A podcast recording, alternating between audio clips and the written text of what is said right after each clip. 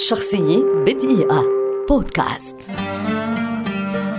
هشام شربتجي مخرج سوري كبير ولد عام 1948 ويعد واحدا من أبرز المخرجين على الساحة الدرامية السورية والعربية في العقود الثلاثة الماضية. إذ كان له دور بارز في النقلة النوعية للدراما السورية ووصولها إلى ما هي عليه الآن.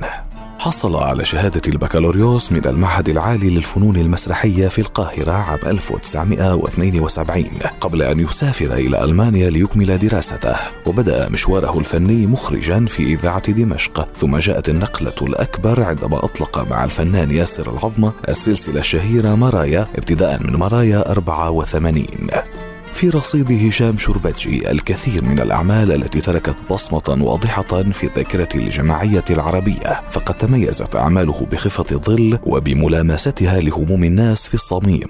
ومنها نذكر أحلام أبو الهنا أسرار المدينة يوميات جميل هناء يوميات مدير عام رياح الخمسين اللي تزوق كترة غلبة وسلسلة عائلة النجوم.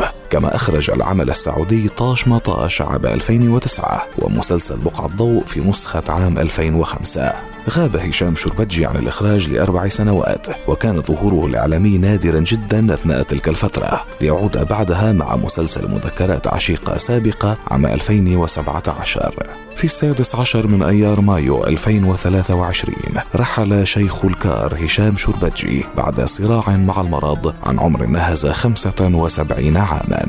شخصية بدقيقة. بودكاست.